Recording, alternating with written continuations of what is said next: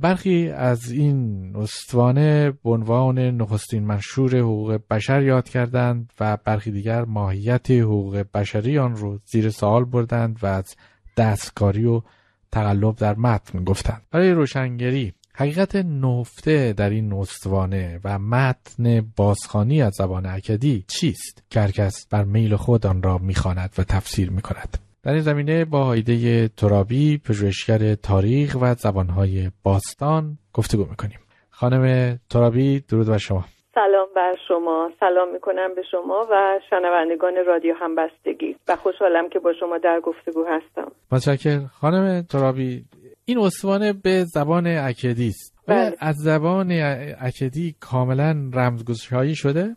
بله. تا حد بسیار زیادی زبان اکدی شناخته شده و ساختار زبانی اکدی شناخته شده و دربارش نوشته شده و الان به عنوان یکی از زبانهای مورده که بسیار در موردش تحقیق شده تدریس میشه و دانش پژوها دانشجوهای زیادی هستند که در حال یادگیری این زبان هستند در واقع زبان اکدی از آنجا که بسیار مستند هست و الواح و نوشته های بسیاری به این زبان به دست اومده و حفظ شده یکی از مهمترین زبانهای باستانی مرده است که شناخته شده و الان در واقع پایه پژوهش های تاریخی که مربوط به قبل از قرون قبل از میلاد میشه قرار داره شما خودتون این زبان رو یاد گرفتین؟ بله من از سال 2011 2012 شروع کردم به یادگیری زبان اکدی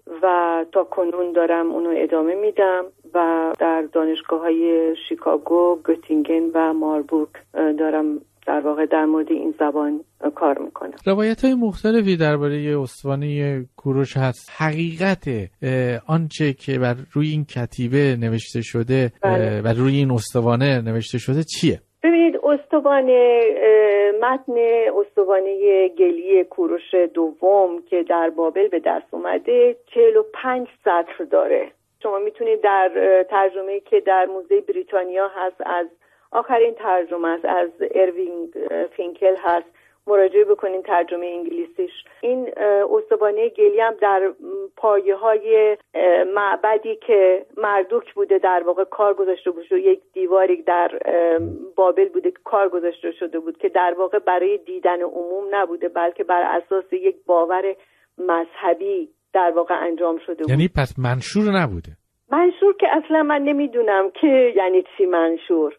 این یک گزارش از فتح بابل و سرسپردگی کوروش به خدای بابل مردوک. و یک گزارشه و اینکه سرسپردگی خودش رو به خدای مردوک اعلام می‌کنه و پس از این شاه سومر و اکد و چهارگوشه جهان هست و جای نبونید رو گرفته.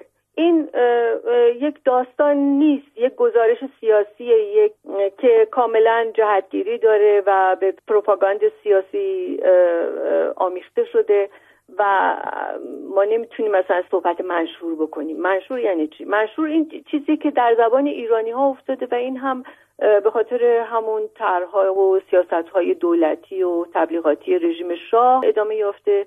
تا امروز یعنی, یعنی منظورم مثل کتیبه داریوش هم نیست که در انظار عمومی گذاشته شده بوده. نه کتیبه داریوش روی سنگ های توی, بیستونه و در انظار عمومی هستش. اونم البته خیلی بالا گذاشته شده. بحثه که واقعا این نوشته ها مخاطبانش کیا بودن؟ این خودش یه بحث چیزیه. اصرار بر جعل این متن تا امروز ادامه داره. و از طرف دانشگاهیان ایرانی در واقع اعمال میشه و من تمام این بازی ها و تئاترها رو در واقع ریشش رو از محافل آکادمیک ایرانی می‌دونم و دولت های چرا؟ چرا که خب همون چیزهایی که ما الان صحبت کردیم زمان شاه این دنبال چی هستن؟ دنبال این هستن که بگن که ایران اصلا از نظر تاریخی شاهانش اصلا فرهنگش یک چیز ویژه بوده. خیلی بشر دوستانه بوده. اگر هم فتح می کرده و فرمان روایی می کرده به خاطر رفاه مردم بوده. همیشه دادگستری در واقع برقرار کرده زیر مثلا روی کشورهایی که در واقع زیر فرمانش بودن. در مورد این کشورها دادگستری برقرار کرده ظلمی روا نکرده و ایرانی ها همیشه اندیشه های آزادی خواهانه داشتن. اگر ما بخوایم راجع به این مسئله جعل متن استوانه گلی صحبت کنیم واقعا خودش یک پرونده دیگه ای داره که ما می‌تونیم راجبش صحبت کنیم و در, در این صورت نمی‌رسیم به خود متن استوانه گلی. از اون بیانیه یا منشور و بشر که عبور بکنیم به در تورات هم به این واقع تاریخی اشاره شده که کوروش فرمان داده یهودیان آزاد بشن. اینا هست توی بله. تورات دیگه. یعنی بله. هرچند توی خود این کتیبه وجود نداره. نه وجود نداره. نه. در متن استوانه گلی هیچ اشاره به یهودیان نشده. صحبت شده از اینکه گروههایی رو از بند آزاد کرده کوروش. حالا این بندم کلی بحث داره. چون تمام این واجه هایی که در این کتیبه اومده قابل بحثه. شما نمی‌تونید یک سند تاریخی رو بدون مطالعه و بررسی بستر سیاسی فرهنگی و مذهبی اون دوره بفهمید. یعنی شما نمی‌تونید به یک مد مراجعه بکنید بدونی که بقایی رو که در دوره کوروش اتفاق افتاده بدونید که بدونید که در بابل چه میگذشته. اصلا نبونید کی بوده؟ چه کار؟ نبونید آخرین شاه بابلی بوده که مغلوب میشه در واقع شکست می‌خوره از کوروش. حالا از روایت حقوق بشری که بگذاریم رواداری رو مطرح می‌کنن که مطابق و اشاره میدن به همین متن بله. استوانه و مثالش هم مسئله یهودیان هست یعنی خب. آزادی یهودیان ببینید من من دقیقا می‌خواستم به همین برسم در واقع ببینید ما درسته روایت ها مختلفه. ولی یک سری روایت ها رو نمی‌تونیم بکنیم. یعنی مستندات تاریخی به ما اجازه نمیدن یک سری روایت ها رو بکنیم. از جمله رواداری در مورد مذاهب مختلف. چنین چیزی حقیقت نداره. شما ببینید در آغاز این کتیبه اصلا صحبت از یک تضاد مذهبیه. صحبت از اینه که یک آین دروغین بر بابل حاکم شده که نبونید به صلاح نماینده اونه. و صحبت از اینه که این آین کثیفه. این خوراک نظری که این میاره کثیفه و این حق نداره این کار رو بکنه. یعنی پیروان خدای ماه در برابر مردم بله. یعنی مردوک. یعنی این آینه اومده آین مردوک رو داره چیز می‌کنه می‌زنه کنار و یه آین جدید آورده. این اصلا آغازش با یک تعصب مذهبی شروع شده. یعنی علیه یک آینی که آین خدای ماه باشه سین یا شین که یک آین بسیار کهن در بین النهرین بوده. و آشوریان این آین رو داشتن و در شهرهای دیگه هم این آین در واقع برتری داشته. آین مردوک در واقع یک خاص بابل بوده بیشتر. و دعوای اینها سر این آین ها و خدایان البته یک دعوای سیاسی هم بوده به خاطر اینکه اون خدایی که تو اون شهر دولت بابل بوده دایه این می‌کرده که من از همه برترم. یعنی نمایندگانش دایه در واقع مرکزیت سیاسی رو می‌کرده. و خدای بابل مردوک نماینده این مرکزیت سیاسی در اون منطقه بوده. حالا نبونید که تبار آشوری داشته می‌خواسته آین خدای ماه رو یک جور تقویت بکنه زنده تر بکنه. و این مثلا در بخش اول این کتیبه روشنه که آین مردوک خار شمرده میشه تحقیر میشه و حتی کثیف و آلوده نامیده میشه و هیچ رواداری مذهبی در این آغاز این کتیبه وجود نداره. و برعکس ادعایی که میشه در کتیبه نبونید میاد که میگه من مردوک رو قبول دارم بهش احترام می‌ذارم ولی خدای ما هم هست و اون خدای برتره. من به اون بیشتر اعتقاد دارم. اینها توی کتیبه نبونید آمده. یعنی پس ما با یک تضاد مذهبی در آغاز یعنی باستاب یک تضاد مذهبی در آغاز این کتیبه و یک تعصب مذهبی که در واقع از سوی کاهنان بابلی بوده که طرفدار خدای مردوک بودن و مردوک یکی از زن ستیزانه ترین آین های بین النهرینه که در واقع در روند تک خدایی شدن بوده. یعنی شما می‌دونید که این دولت های دولت شهرهای بین النهرین خدایان مختلفی داشتند. در یک دوره های این خدایان در کنار هم وجود داشتند. در یک دوره شروع میشه که چند خدا برتر بشه نسبت به خدای. در یک دوره دیگه شروع میشه که یک خدا فقط برتره. اونایی دیگه حق برتری ندارن.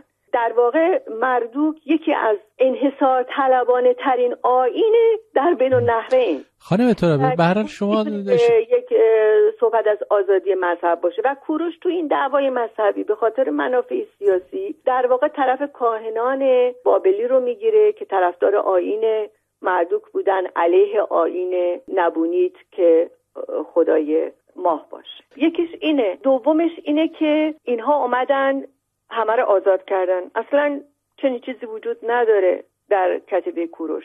اصلا صحبت از این نیست که برده آزاد شده باشه. چون برده در زبان اکدی یک ترم بسیار مشخصی داره. در در ادبیات اکدی در نوشته های اکدی از اونجا که یه جامعه طبقاتی و کاستی بوده تمام این گروه های اجتماعی ترم خاص خودشون داشتن. مثلا فرض کنید شهروندان آزاد بودن. حتی بین شهروندان آزاد آنهایی که توهی دست بودن تا اونهایی که به یک رفاه بیشتری داشتن اینها نامهایی برای خودشون داشتن. و بردگان هم نامهای مشخصی داشتن. در این روی سخن اصلا با برده ها نیست. روی سخن با مردمان سرزمین ها هست و بردگان جز مردمان نبودن اصلا. بردگان شیع به حساب می آمدن و اصلا صدایی نداشتن در این نوشته ها که بخواین بگیم که برده ها رو آزاد کردن. و بعد تازه میگه که حتی در همین متن میگه که آنها را که سرنوشت بر آنان این یوغ را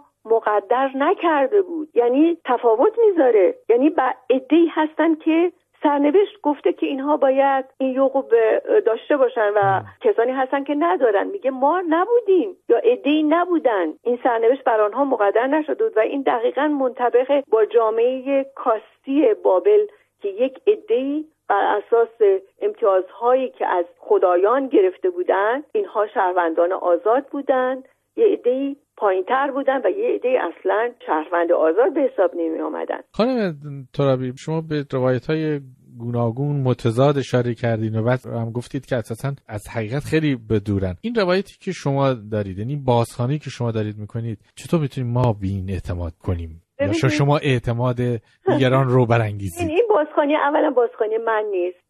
من دارم از آخرین پژوهش هایی که در معتبرترین مراکز آشورشناسی و تاریخ بین النهرین هست و آغاز تاریخ ایران هست. دارم از اون منابع گزارش می‌کنم در واقع. یعنی اون منابع کیاین کجا آنهایی که الان تدریس میشن و مطرح هستن و بر آخرین داده ها تکیه می‌کنن کسانی هستن مثل ویزنهوفر یک ایرانشناس و آشورشناس آلمانیه. یعنی اون دوره تاریخی رو داره بررسی می‌کنه. بعد متیو استالپر در شیکاگو. بعد پیتر شاودیش هست در دانشگاه هایدلبرگ آلمان. وندر سپک هست در آشورشناس در دانشگاه آمستردام هست. و چندین نفر دیگه که من اگر اسمش رو بخوام بگم شاید. ولی بله. اینها الان دارن حرف آخر رو می‌زنن و آخرین داده ها رو دارن بررسی می‌کنن. و حتی فینکل که در موزه بریتانیا نشسته. چنین ادعایی نداره. اگرچه مسکوت گذاشته اینا رو. دربارش حرف نمی‌زنه. ولی چنین ادعایی نداره. شاید ایرانیا یه جور دیگه نگاه می‌کنم بیشتر از اینکه واقعی نگاه کنم به شکل اسطوره نگاه می‌کنن. شما خودتون اگر بخواید تاریخ نگاه کنید این اسطوره است یا واقعیته؟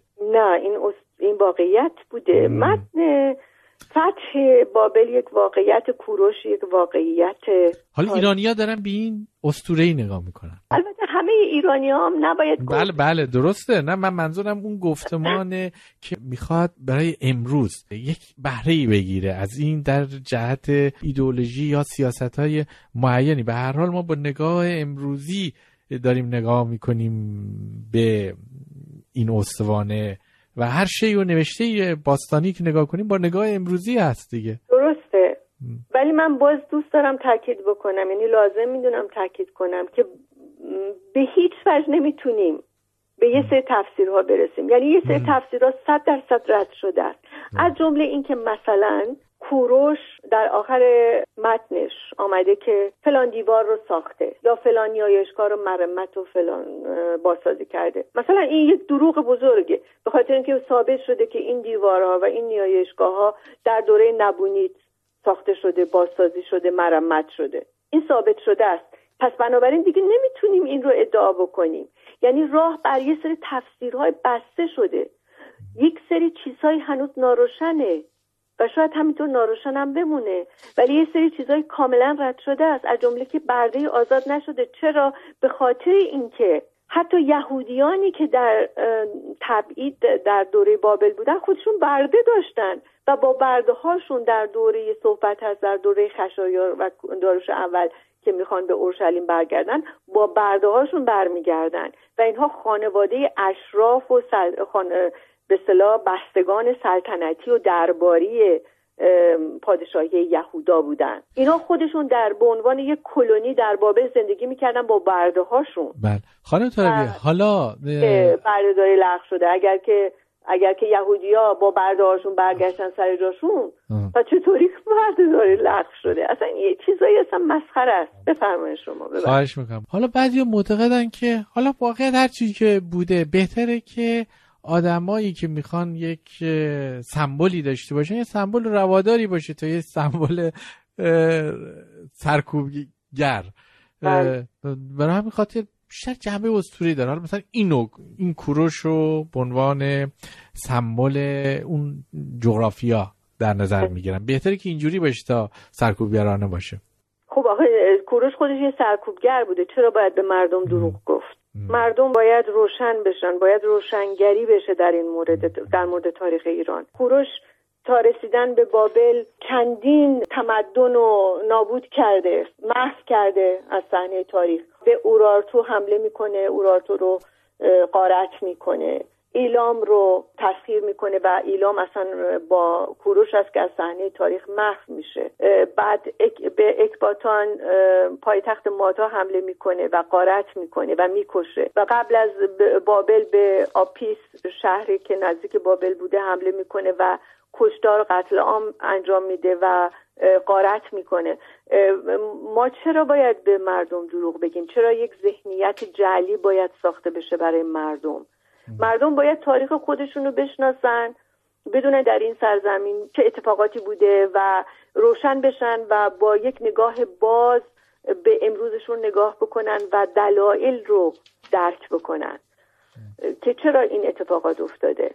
یک نکاتی هم درباره کوروشنامه گزنفون گفته میشه که در کتابخانه توماس جفرسون در آمریکا هست و گفتن که این اعلام بخش پدران بنیانگذار آمریکا بوده. شما شنیدین اینو این تاریخ نویسان یونانی هرودوت گزنفون اینا همه کسانی بودن که بعد از کوروش اومدن. اصلا معاصر کوروش نبودن که بخوان به صلاح یک گزارش دقیق و تاریخی از اون دوره بدن و اصلا گزارش نویسی یونانی یک گزارش نویسی آلوده به تخیل و داستان سرایی و اقراق و اینها هست. حتی در موارد دیگه هم اگر از اینا نقل میشه بررسی تطبیقی میشه. ولی ایرانیا دشمنان بودن دیگه. بله. ایرانیا دشمنانشون بودن. دشمنان یونانیا همیشه نه. همیشه هم. دشمنان یونان یک سری اعتلاف هایی داشتن. یک گاهی در یک مقاطع یک سری نزدیکی هایی هم داشتن. ولی گزنفون خیلی چیزای دیگه هم گفته یا هرودوت حتی چیزای منفی هم گفته. ایرانیا به چیزای منفیش رو نمیگن فقط چیزای مثبتش رو میگن. چیزی که مسلمه اینه که گفته های هرودوت گزنفون برسوس یه تاریخ نگار دیگه یا چیز. اینها همه بررسی تطبیقی باستانشناختی با تمام اسناد دیگه که به دست اومده از دوره اکدیان و بابلیان و اینها میشه و بعد بررسی می‌کنن ببینن کدومش می‌خوره کدومش نمی‌خوره کدومش درسته کدومش غلطه کدومش هنوز ناروشنه. هیچ کدوم از این گزارش ها رو همینجور بدون بررسی کسی نمیپذیره امروز در محافل آکادمیک. و آن چیزی هم که گزنفون گفته اصلا گزنفون چه منبعی داشته؟ تاریخ نویسی اون دوره در مورد کوروش چه منبعی داشته به غیر از داستان سرایی؟ حالا توماس جفرسون مثلا چه کرده دیگه؟ من اون راجع به اون نمی‌تونم حالا تو بله. خانم ترابی شما در پایان اگر نکته ای دارید که چرا اساسا این بحث ها امروزه را میفته و هر کسی چه بهره ای می‌خواد از این بحث ها بگیره یا نکته دیگه در پایان اگر توی دو دقیقه بگید بله. ما من, گفتگو رو پایان ببریم مسئله رو یک مسئله سیاسی می‌بینم یک پروپاگاند سیاسی می‌بینم که از سوی دولت های پهلوی و دولت جمهوری اسلامی بخشی از این دولت جمهوری اسلامی به پیش برده و برده میشه ادامه داره و این در ارتباط با مسئله ملیت ها در ایران هم هست باید به این توجه بکنیم. که الان جنبش های رفع تبعیض ملی در ایران در واقع شکل گرفته و الان سعی می‌کنن با بالا آوردن این تاریخ جعلی در واقع نشون بدن که نه همه اینها در واقع دست نشانده بودن یا همه اینها این این سیستم رو قبول داشتن و باید تمکین بکنن یا باید بپذیرن یا حتی حتی در میان جریان های چپ هستن که می‌خوان مدل امپراتوری کوروش رو برای امروز ایران مثلا پیاده بکنن یا بگن که بله ایرانیان همیشه تحت یک فرماندهی بودن. این ملیت هم همیشه تحت یک فرماندهی بودن و این فرماندهی هم فرماندهی ایرانی بوده و همه در صلح و صفا زندگی می‌کردن. هیچ تضادی با هم نداشتن.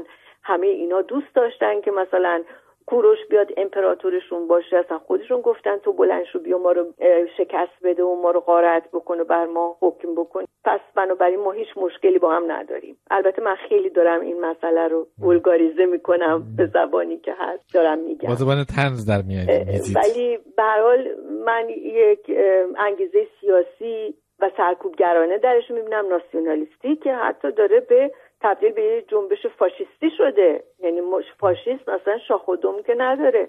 تبدیل به یه جنبش فاشیستی شده و چنان که دیدیم این گرد همایی که در پاسارگاد اتفاق افتاد شعارهایی که علیه عرب ها دادن اینها کاملا سمتگیری نجات پرستانه داره. به هر حال این این چنین جنبشی تو آذربایجان شکل نگرفته. یعنی شما نمی‌بینی که آذربایجانی ها بلنشن چنین چیزی چنین جنبشی را بندازن. در حتی کردستان را شکل نگرفته در جنوب ایران شکل نگرفته. اینها به نظر من مربوط میشه به فارسی زبان ها در ایران. مرسی. ممنون از شما خانم هایده ترابی برای حضورتون در این گفتگو. تا گفتگوی دیگر. خیلی ممنونم و ممنون تشکر می‌کنم که همچین فرصتی در واقع در اختیار من گذاشتین. ولی می‌دونم که خیلی خیلی نکته ناگفته باقی مونده. و واقعا این مسئله ابعاد مختلفی داره.